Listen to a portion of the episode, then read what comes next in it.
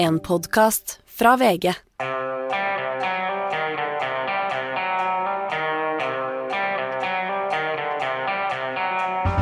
Ikke visste jeg at alle disse dagene som kom og gikk, de var selve uke 40. Eh, høstferie her i det sentrale østlandsområdet denne uka. Litt færre folk på jobb, eh, men du er på jobb, Gard Steiro.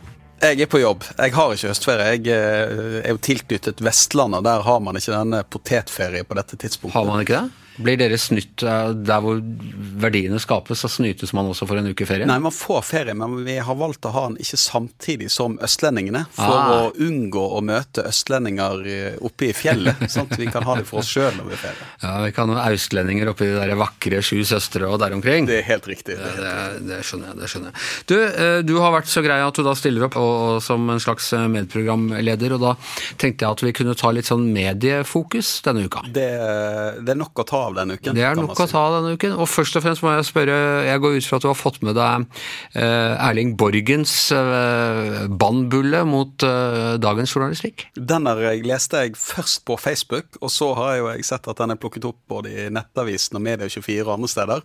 Leste han med jeg vil si, interesse, og så var det, var det noe gjenkjennelig ved tonen til Erling Borgen. Jeg mener, jeg har hørt det før, Ja. at alt var bedre før. Ja, alt var mye bedre under krigen. Vi må ta kort for de som da ikke har fått det med seg. Så vi føler jo at dette er den store saken denne uka, men det er ikke sikkert man føler det utenfor pressen.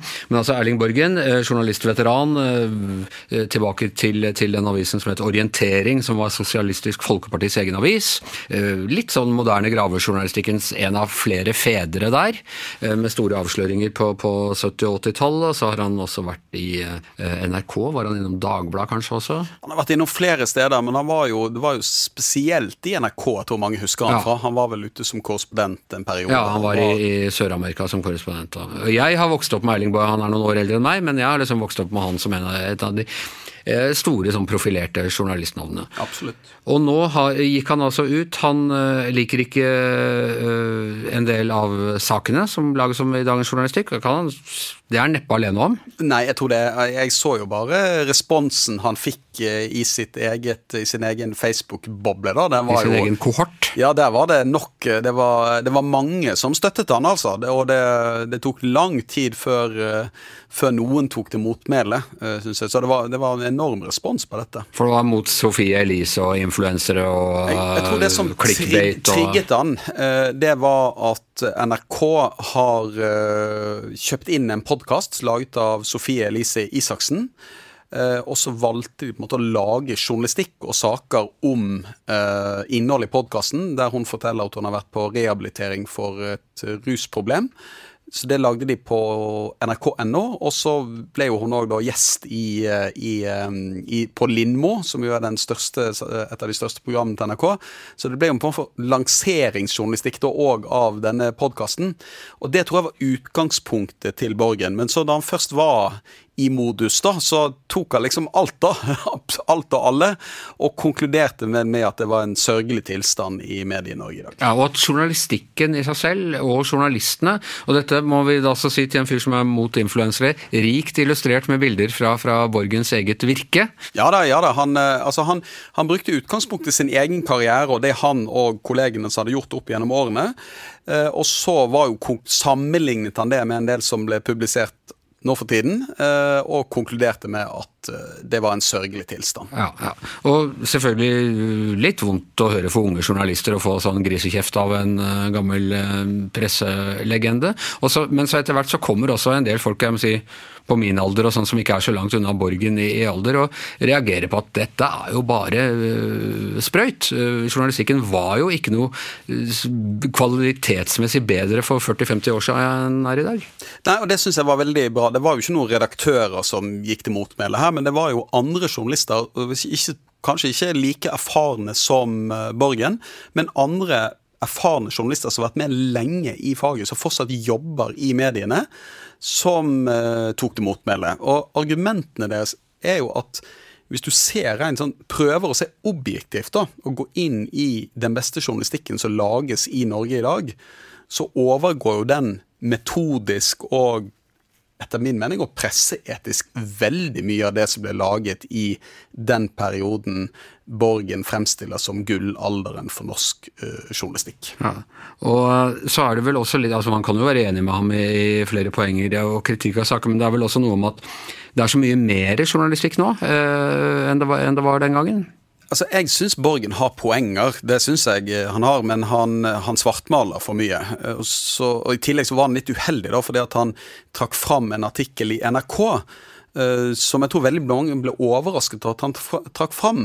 Det handlet om en uh, ung kvinne som hadde vært, uh, vært, altså hatt et, ru, et, rusproblem og våknet opp med en tatovering i nakken som hun ikke visste hvordan hun hadde fått. Og beskrev jo Altså, Jeg mente det var en glitrende journalistikk, altså, og viktig journalistikk, eh, men han fremsto det, uh, dette som fjas. Fremstod, ja, det var det. Han satt i samme kategori som sånn influensajournalistikk. Og hvorfor syntes han det var fjas? Nei, det var fordi han hadde jo bare sett tittelen på dette. Sant? Han hadde jo ikke tatt seg tid til å lese saken før han, hadde, før han kritiserte den. Han måtte jo nå rykke ut med en beklagelse i dag. Men jeg tror jeg, både jeg og du må erkjenne, Anders, at de som kommer til å sitte i dette studio om 20 år, kommer sannsynligvis til å være flinkere enn oss. De kommer til å være dyktigere på så mange måter, og dagens unge journalister, de er på mange måter overgår de som oss som er um, altså jeg, jeg, sitter nå sammen med en gjeng med 35-åringer, eh, folk mm. som ble født omtrent da jeg ble uh, journalist. Ja, ingen problem å se at de er utrolig mye mer grundige og eh, gjennomarbeidede og samvittighetsfulle og sånn enn det sleiveriet jeg holdt på med da jeg var Ja, og Det syns jeg er interessant. for det, Dagens journalister, de som kommer inn i bransjen i dag, de er bedre utdannet enn vi var da vi kom inn i, i bransjen. Eh, de får en annen type opplæring i mediene. De har andre verktøy og bedre verktøy, og kravene til journalistikken er blitt helt annerledes. Og det, har jo, altså det Man sier at digitaliseringen kan ha ødelagt journalistikken. Det er noen som sier at nettjournalistikken og klikkbet har ødelagt journalistikken. Den har endret journalistikken på mange måter. En av de tingene den virkelig endret, er jo at journalistikken må være mye mye mer grundig, fordi at du blir tatt i feil ja. med en gang. Altså Du slipper ikke unna i fem minutter hvis du publiserer noe galt uh, på nettet i dag.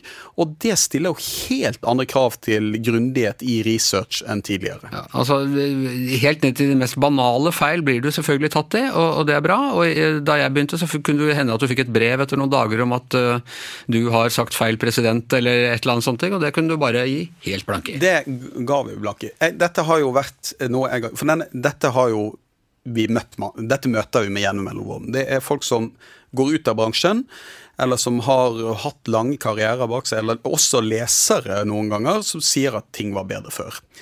Og det var ting som var veldig bra før. altså Det er ikke ja. sånn at journalistikken tidligere var, da, var veldig dårlig. Og ære være Erling Borgen for det han har gjort som journalist.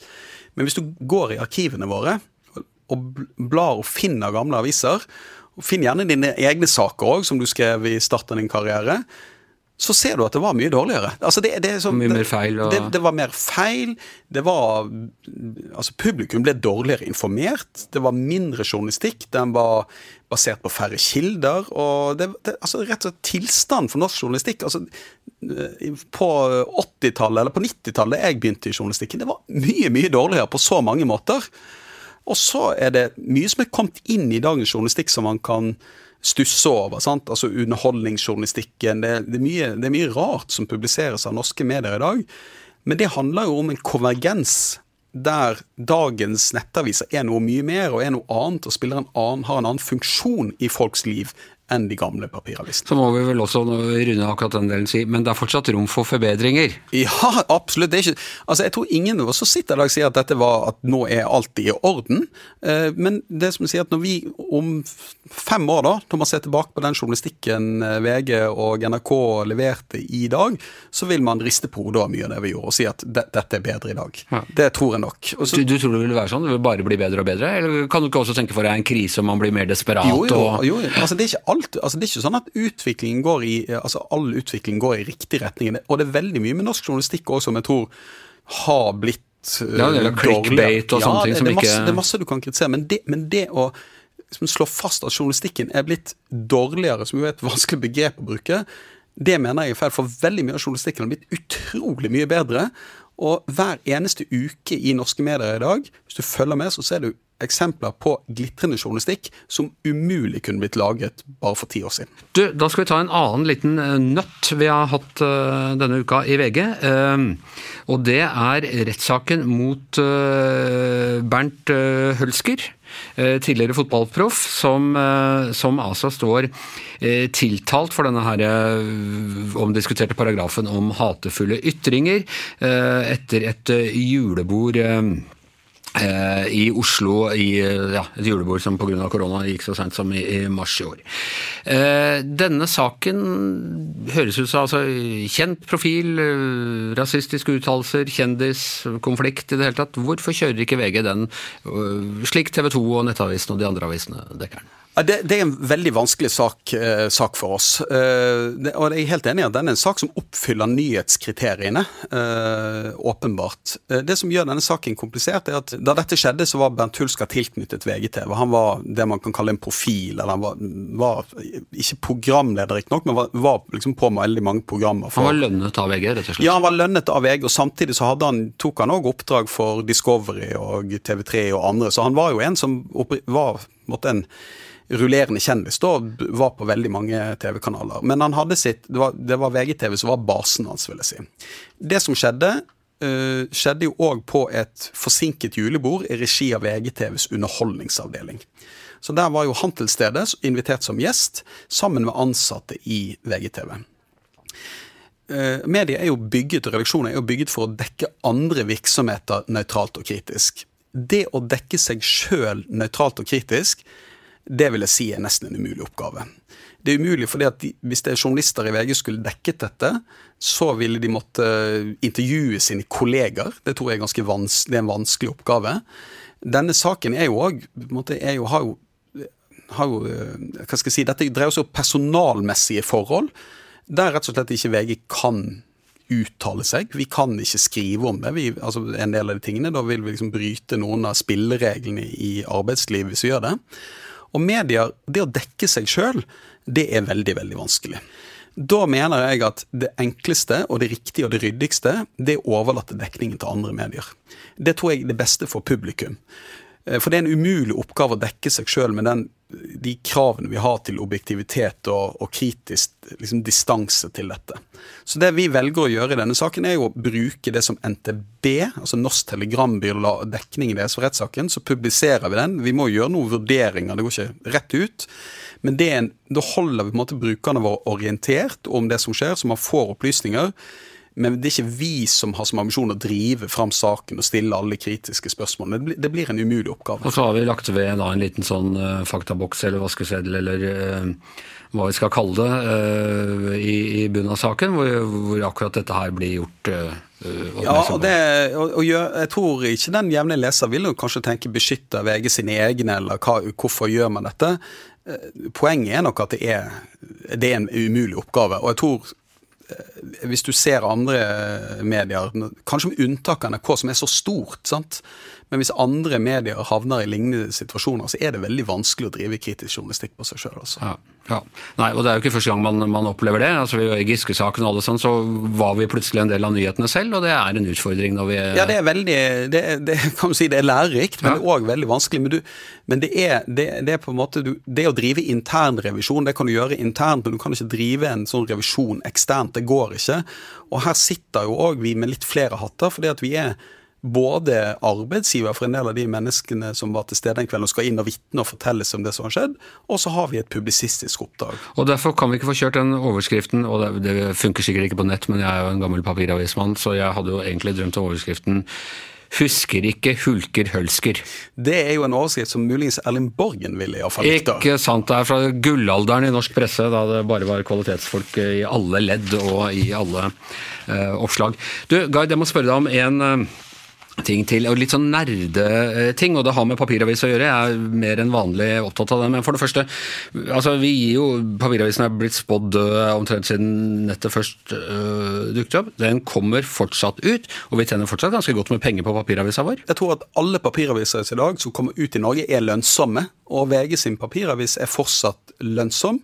Og blir lest av mange, og jeg opplever den fortsatt som viktig. Ja, og den blir lest av ikke minst folk på min og Erling Borgens alder. Vi øh, syns at papiravisa er jo Kan ikke slå papiravisa av kaffen om morgenen og en papiravis, det, det må jeg si uh, er noe av det beste i mitt liv. Um, men altså, da jeg begynte i VG for godt over 20 år siden, så var forsidene kunne sende sjokkbølger gjennom norsk offentlighet. Det er nesten vanskelig å forestille seg nå, men jeg kunne se på vei på Å nei, den forsida! Nå blir det bråk! Du måtte omtrent liksom uh, innta bunkers uh, i, i Akersgata og sånne ting, for det var superkontroversielt, og det var debatt, og det var oppe i, i Dagsnytt 18 og på Dagsrevyen og overalt. Uh, sånn er det ikke lenger. det er nettet som er vår liksom spydspiss ut. Og det er blitt mye sånn slik unngår du podagra. Her bør du putte pensjonspengene dine. Det er forbrukerjournalistikk som i veldig mye større grad bærer eh, frontes eh, i papiravisen. Ja, Det er riktig, men det tror jeg òg fordi at papiravisen har jo en funksjon eh, for mange. Men som, som, ny, altså, som nyhetsmedium er den jo eh, mindre relevant enn tidligere, fordi at man får nyhetene. Man følger gårsdagens nyheter, rett og slett. du får gårsdagens nyheter, og du klarer ikke lenger på en måte å ha en det vi kaller en publiseringsstrategi. At du skal tenke dette skal på papir, dette skal på nett, og så skal vi prøve å gjøre det. Det, det, det er ikke mulig lenger. Det er akkurat som det, det, er vanskelig for NRK å vente til Dagsrevyen med nyhetene sine. De må publisere de fortløpende, nesten. Mm. Men igjen, eh, altså eh, Så derfor mye, mye, litt sport og sånne ting, men, men, veldig mye forbrukergreier, og nå skal du skifte vinterdekk, og, og, eh, og, og sånn kan, kan, du sove bedre om natta. Men én figur som da eh, har et utrolig eh, gjennomslagskraft på forsidene både av VG og av våre konkurrenter i Dagbladet, det er Vladimir Putin. Mm. Jeg har eh, nerda litt på dette. Eh, og, og, gått gjennom siden krigen starta i slutten av februar. Eh, VG har hatt 75 eh, forsider hvor Putin har vært eh, et av de bærende elementene. Enten med, stort sett med bilder, men også bare navnet Putin eh, virker å, å være sånn salgsutløsende, eller at man tror det. Dagbladet faktisk 116 ganger, og de har jo ikke søndagsutgave heller, så det er på enda færre utgaver. Og hva er det med Putin kontra altså Selv ikke Trump hadde en sånn effekt?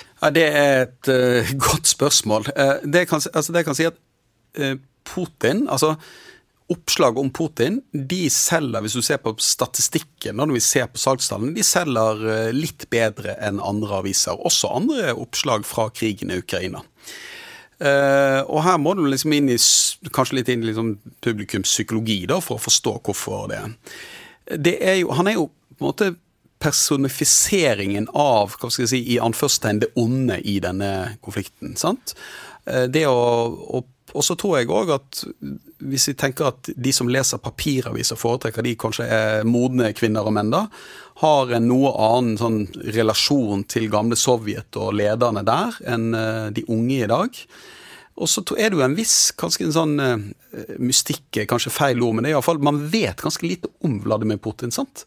Eh, så jeg tror det er en interesse for han som person og som leder. Og så er jo han eh, en, veldig sånn synlig leder for, eh, for, Russland i denne konflikten. Men det er veldig underlig å se hvordan, altså hvordan stoffet fra om krigen blir lest. da, fordi at vi ser en veldig tydelig tendens til at, til at spesielt da, hva skal jeg si, altså de voksne leserne er veldig opptatt av Putins rolle og hvordan Russland um, ja, hvordan Russland opptrer. Det er stor forskjell. Og Dette vi, har vi jo veldig mye data på digitalt, sant? som jeg syns var veldig interessant å se. var at Da krigen brøt ut, så var interessen blant publikum enormt høy. Og spesielt de første ukene etter invasjonen. Også det som skjedde i, utover våren, var at denne interessen blant den jevne nordmann falt. Men noen, og jeg har en mistanke om at dette er en del uh, voksne menn, da, de kunne bare ikke få nok. De leste liksom alt som var skrevet, så det er tydelig at interessen for en del av befolkningen høyere enn Altså er større enn andre. Min da Putin-statistikk, så ser vi altså at det var både Dagbladet VG hadde veldig mye i mars, april og mai. Kraftig fall, i hvert fall i VG i juni og juli. Var, juli var jo nede i tre Putin-forsider og bare ni i Dagbladet. Så har det begynt å ta seg opp igjen. 11 i VG i september og 20 for Dagbladet. Altså, det jeg tenker, jeg er også veldig interessert i denne krigen. Problemet er litt alt som kommer kastet på hele, hele, tiden. Altså Papiravisen er en mulighet til å sitte og lese litt analysene og de litt uh, uh, Her har papiravisen fortsatt en funksjon jeg ikke helt finner når jeg skal sitte og plire med, med mine gammelmannsøyne på, på iPhonen. Ja, jeg er, enig, jeg er helt enig med deg. at Jeg syns at det å lese altså Jeg syns òg at dekningen blir veldig fragmentert. Det blir veldig mye. Og det er klart at det å få en form for oppsummering og klare å liksom bare feste øynene på noe og få med seg noe i stedet for å bli bombardert med, med fragmenterte meldinger da, fra, fra, fra slagmarken og fra, og fra Russland er bra. Jeg tror Det som skjer i sommer, er jo på en måte at interessen altså der, der er det, litt sånn, det er litt sånn status quo der. Det vi så på at interessen for Russland og Putin gikk veldig opp, det var jo da Russland begynte å gjøre det dårligere. Mm. Altså da ukrainerne lykkes mer på i og, jo, og ja, gjenerobret noe av området sine, så det kunne virke som, som, eh, som russerne ble noe mer desperate, da. Eh, det ble det Da ble økte interessen igjen. Så vil jeg oppfordre deg til å fortsette din analyse og se på Sverige. Ja. Der tror jeg det, du ser tendensen enda tydeligere.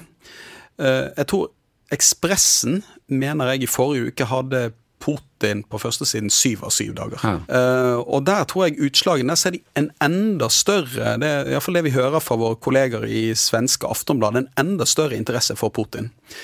Det tror jeg òg uh, eh, handler om frykten for Russland. Ja. Altså, der for du er tettere på, Ja, du er tettere på, du har en annen tilknytning til Nato. Uh, og der er frykten enda større. Så Putin representerer jo noe av det man er aller mest redd for i Sverige. Som òg som gjør interessen stort. Og Der vet jeg at det er en diskusjon i Sverige.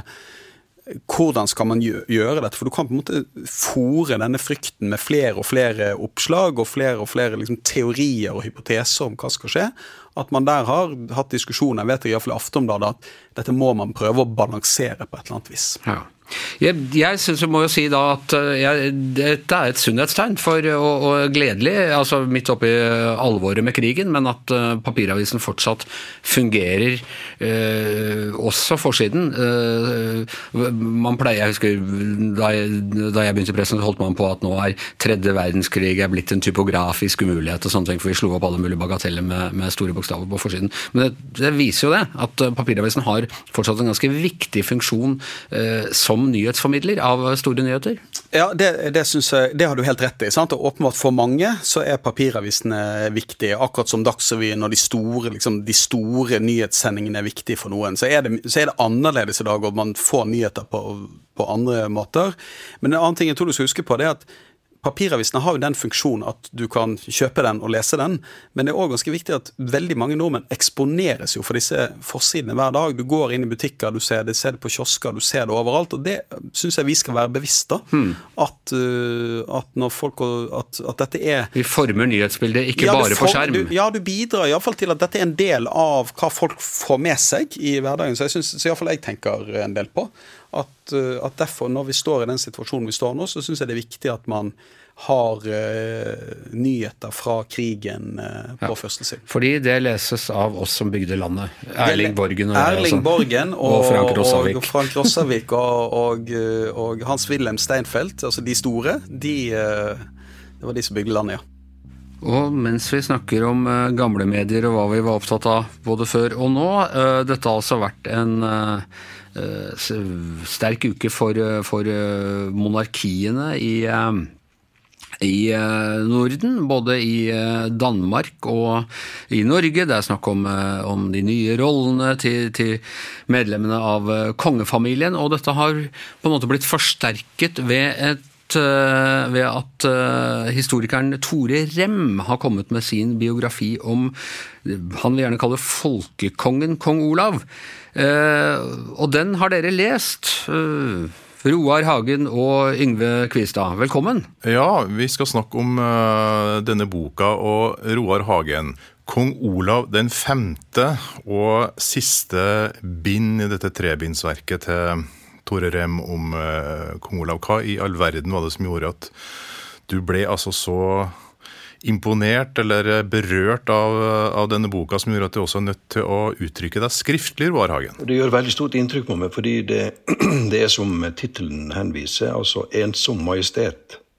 Og Det er da denne kongen som jeg vokste opp med, og som vi, i hvert fall vi litt eldre husker så godt. Og ikke klarte å forestille oss et liv uten kongen. Eh, hans tid som regent, som, som, som har prega oss alle. Og så på sett og vis eh, er norsk etterkrigshistorie frem til hans dødsdato. Da. Lærte du noe nytt om landet du har vokst opp i, Roar, eller lærte du noe nytt om kongen? Ja, altså, Dette er en bok om kong Olav, men det er jo også en, i høyeste grad en bok om oss sjøl. Og det bildet vi prosjesserer inn i kong Olav, som er, som er den som måtte bli symbolet, så vi kan løfte fram, og som uttrykker det vi ønsker å være. Han er da den som bærer symbolet på sin egen rygg og gir oss anledning til å kjenne hva det er å være norsk, og hva det betyr i hans tid. Og den ensomheten som dette eh, da betyr for han personlig. Og det, det offeret som han gjør da for at vi skal ha denne kongen Eh, som vi ble så glad i. Men, men, nettopp dette hvordan vi oppfatter kong Olav, folkekongen og den smilende kongen og hi, hi, hi, denne latteren hans og denne stemmen og osv. Det er vel en viss diskrepans ikke det, mellom eh, det inntrykket og det bildet som, eh, som forfatteren tegner av kong Olav i boka? Ja, det er jo ikke noe tvil om at i pressen så var det jo nesten utenkelig å, å fornærme eh, majesteten. og og jeg skal ikke kritisere andre, for jeg kjente jo på det sjøl. Det å lage en karikatur av kongen altså på vanlig måte, slik som vi gjorde med, med Gro og, og Kåre Willoch og Bondevik og sånn, det var jo utenkelig. Det satt, vel, det satt jo denne respekten at kongen var ukrenkelig. Til og med for oss satir. Hvorfor det, Roar? For at, at du, er jo, du, er jo, ganske nådeløs det, ellers. Det handler om hele historien. Det, vi, det ble invitert hit i 1905. Uh, kom den vesle familien vi skylder dem litt. Sant? Så vi kunne egentlig ikke behandles med vanlig eh, distanse. Det var jo veldig utbredt. Mm. Og, eh, så jeg må jo bare innrømme det. Det var feil, selvfølgelig, kanskje, men, men det, sånn var det. og eh, når man skal lage satire, så, så, slåss man jo også mot sine egne følelser og egne grenser. ikke sant? Og, og kongen var liksom eh, heva over dette. Og det at, at Rem nå bringer en del detaljer om kongens mer menneskelige side, det endrer egentlig ikke på dette store bildet i det hele tatt. Det gjør det bare enda mer forståelig at han måtte eksplodere av og til, gitt alle talene og alt han måtte høre på. Ja, for Rem er ganske nådeløs uh, der. Han bringer det inn som eksempel. Men jeg vet ikke, vet ikke, om han er nådeløs, men det er i hvert fall et nytt, et nytt nivå på å skildre bredden i Olavs personlighet. da. Mm. Eh, kan du si. Og han nevner jo den uh, ufine bemerkningen fra uh, Lyndon B. Johnson, som var ei bølle sjøl. Dette var jo ikke noe vi, vi skrev gjerne da. Vi, likte jo ikke sånn at noen sagt dritt om kongen vår. Så, så, han bringer jo opp en del eh, faktisk materiale som, som, tidligere har blitt latt liggende. da. Men det at han hadde sånne nærmest apoplektiske raseriutbrudd overfor staben og, og sånn, det Eh, mener du, du, mener at det gjør han mer menneskelig, liksom? Det gjør det, og det, det er, kan ikke forsvare det. Det er jo, det er jo ufint av enhver å skjelle ut betjeningen sin. altså Det skal du ikke. Men, men, eh, men, slik var det jo, og han kunne jo eksplodere og sånn. Men han bodde jo i et fengsel og i et gulbur som vi hadde plassert han i. så Det er jo til hans unnskyldning. Mm. Han skulle jo dresses opp med den uniformen og bodde ensom på slottet. ikke sant? Vi kunne jo blitt gale noen hver. Jeg har eh, med skam å melde ikke lest uh, siste boka eh, av, i denne serien som, som Tore Rem har, har, skrevet, men jeg har lest de to første. Men det er inntrykk av at i, i, i bind tre så er det ikke, er det ikke like kritisk, stemmer det? Altså, han, det er jo ikke tvil om at Rem er en, en ny generasjon og en litt friskere biograf enn det vi har vært vant til. Og sånn, men, men jeg opplever at han ender opp som, som han skriver sjøl, at han kom ikke lenger enn dette med å beskrive kong Olav. Eh, fortsatt gåter her og ubesvarte spørsmål. Og kong Olav brant jo alle sine papir. Eh, det vi har etterlatt, er jo det han skrev til dronningmora i, i Storbritannia, og, og, andre dokumenter. Så han, han røykla jo sitt eget liv, de private sidene, i stor grad. Mm.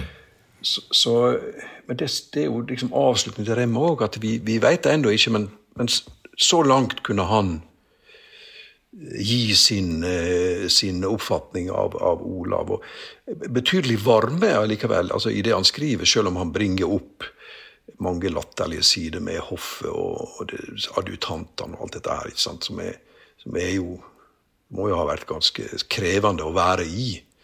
Eh, men, men allikevel, jeg oppfatter at han har kjærlighet til kongen og til hans, og empati for hans eh, ensomme oppgave. Mm og som Harald også helt sikkert eh, må leve med. Han er jo kongen som skal avgjøre alt, til sjuende og sist, og det som angår hans gjerning. Eh, vi skal straks avslutte her nå. Eh, bare runde av med en liten historie om en annen kunstner som vi begge har stor respekt for, nemlig Nils Aas. Jeg var også så heldig å kjenne han privat og personlig. Han var fra Inderøya for øvrig. Så en gang jeg satt ute på Ekeli sammen med ham, og, og, og jeg spurte han rett og slett om det var noe oppgave han, han hadde takka nei til. for Han fikk jo stadig vekk sånne spørsmål om å gjøre oppdrag for å portrettere den ene og andre. og Er noe som er, var karakteristisk med Nils Aas, så var det hans fantastiske fingerspitzgefühl. Altså hvordan han klarte å Altså, bare en, en, byste eller et ansikt å klare å, å, forme en sånn ærlighet som var tvers igjennom. og Du, du ser med en gang når det er Nils Aas som har laga en ting. og, og Da fortalte han at jo, han, øh, det er ett oppdrag han har takka nei til, som han jobba ganske lenge med. og Så spurte jeg hva det, hva det var. Nei, han, han ville ikke si det, da. Men så fortalte han likevel at jo, han har vært det var kong Olav da han eh, skulle eh, lage en byste av han. Eh, han var i flere samtaler med kongen. Men etter tredje eller fjerde gang han hadde vært på Slottet og pratet med kongen, så, så takka han nei. Så han, han, han, han, klarte ikke å gjøre det. For det han så, det var en, en ensom gammel mann som følte seg veldig, veldig alene. Og det bekrefter det også egentlig hele boka og bokserien til Tore Rem. Så tusen takk, Roar. Hjertelig takk for at jeg fikk komme.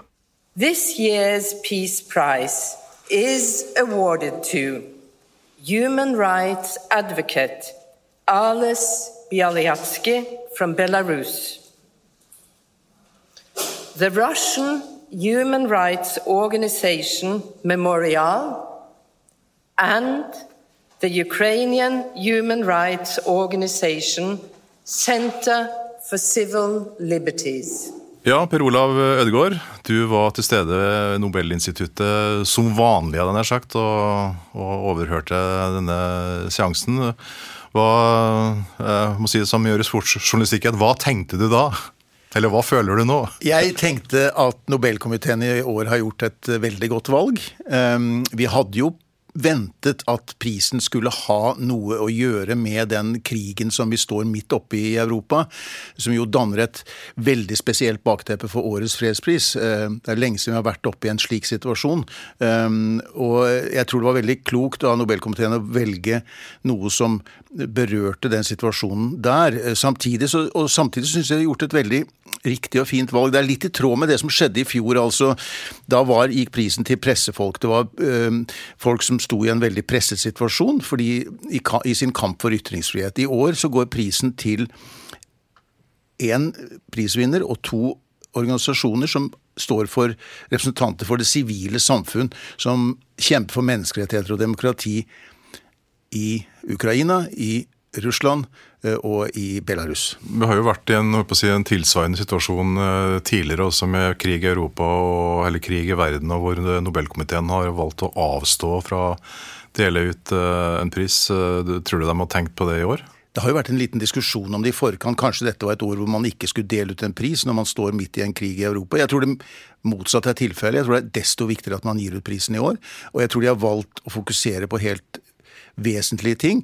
Og når Ales Bialatski får prisen, som er altså den som har holdt på å arbeide for demokrati, menneskerettigheter i Belarus siden 1980-tallet, og i dag på nytt da sitter fengslet uten dom for sitt utrettelige arbeid for Eh, rettigheter for demokrati, eh, eh, så er det et veldig bra individuelt valg. En som virkelig har vist ut et stort personlig mot og har betalt en høy pris for sitt engasjement. Mm, og så har man da også valgt å gi, dele denne prisen med den russiske menneskerettighetsorganisasjonen Memorial, som vi jo kjenner godt, for den ble jo stiftet allerede i 1987.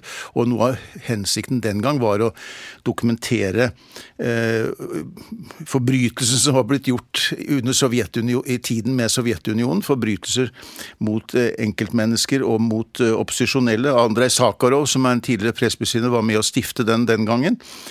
Og som de heter i begrunnelsen, så Memorial ble bygget på en forståelse av et oppgjør med fortidens forbrytelser er nødvendig for å forebygge nye. Og det er vel noe av det problemet vi ser i Russland i dag. At det er et manglende oppgjør med fortidens forbrytelser som leder til nye. Og de har jo fortsatt virksomheten helt frem i dag. inntil de, og de gjør det egentlig fortsatt på sitt vis, men de ble altså stemplet som utenlandsk agent, som veldig mange andre organisasjoner i Russland, og ble eh, da Eh, oppløst ved tvang av myndighetene i desember 2021.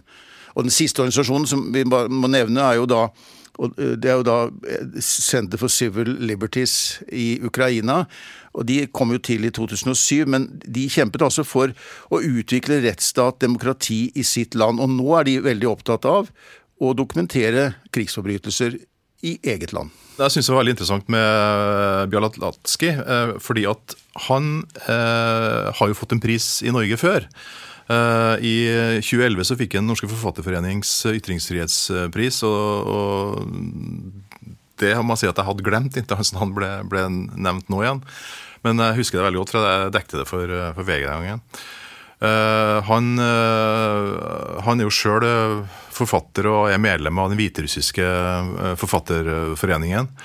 Uh, han Eh, han ble jo satt fri på et uh, tidspunkt, men da dessverre bura igjen igjen, og som du ser uten uh, lov og dom. De forsøkte jo, de hadde jo ikke egentlig noe ting på han, så de forsøkte jo å få ta han for skattesnyteri, tror jeg var den formelle begrunnelsen i sin tid for å få, få, stoppa han. Da. Men det er, jo, det, er jo, en pris dette er som er en kilevink til Putin og Lukasjenko, er ikke det, Prøvla? Ja, eh, han fikk jo dette på 70-årsdagen sin i dag, Vladimir ja, Putin. Gratulerer med dagen. ja.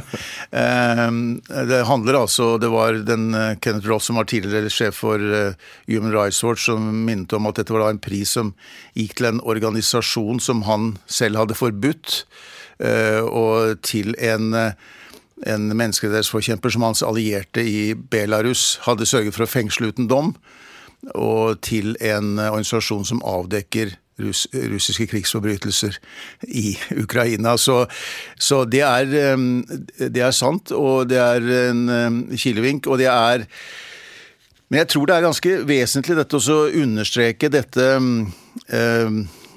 sivile eh, samfunnet, eh, hvor viktig det er da for oss å bygge fred og demokrati. Og sånn som det ble poengtert med journalistikk og ytringsfrihet i fjor, så er det nå det sivile samfunn som Og dette er mennesker som ja, betaler ofte en høy pris for det, og jobber i høyeste grad i, uh, under sterkt press. Um, og Det er liksom dette med grunnleggende retten til å kunne tale makten imot, som er så viktig i land som autoritære samfunn som Belarus og Russland. da.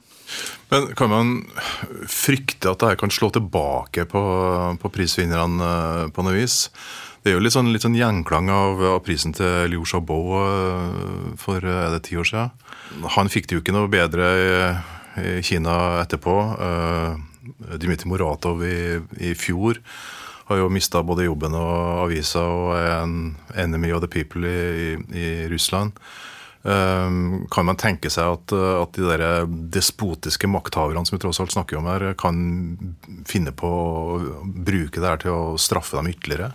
Ja, Det er jo et tankekors. Jeg jeg syns den prisen i fjor til Dmitrij Mudratov og, og til Ressas var jo veldig viktig og riktig. De har jo uh, fått på mange måter en vanskeligere arbeidssituasjon enn de allerede hadde. Det var en veldig krevende situasjon de sto i, og det ble enda verre etterpå. Men prisen er jo ikke desto mindre viktig av den grunn. Og Reiss-Andersen ble jo spurt om dette Eh, også etter at hun hadde kunngjort vinneren i dag, og sa at dette var noe komiteen tenkte på, vurderte.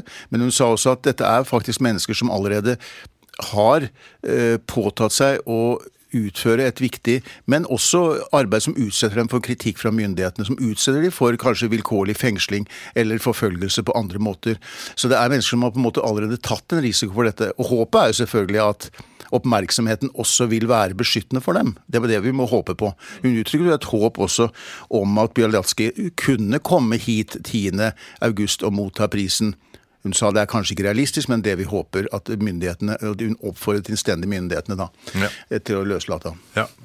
Vi får uh, håpe det beste. og får håpe at uh, alle sammen kan uh, komme hit og, og motta prisen som deles ut i, i det er vel den 10. 10. desember. 10. desember ja.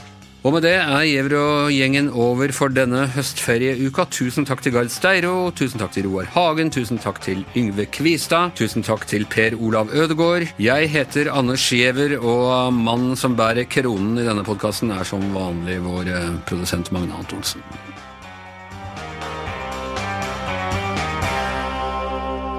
Du har hørt en podkast fra VG. Ansvarlig redaktør, Gard Steiro.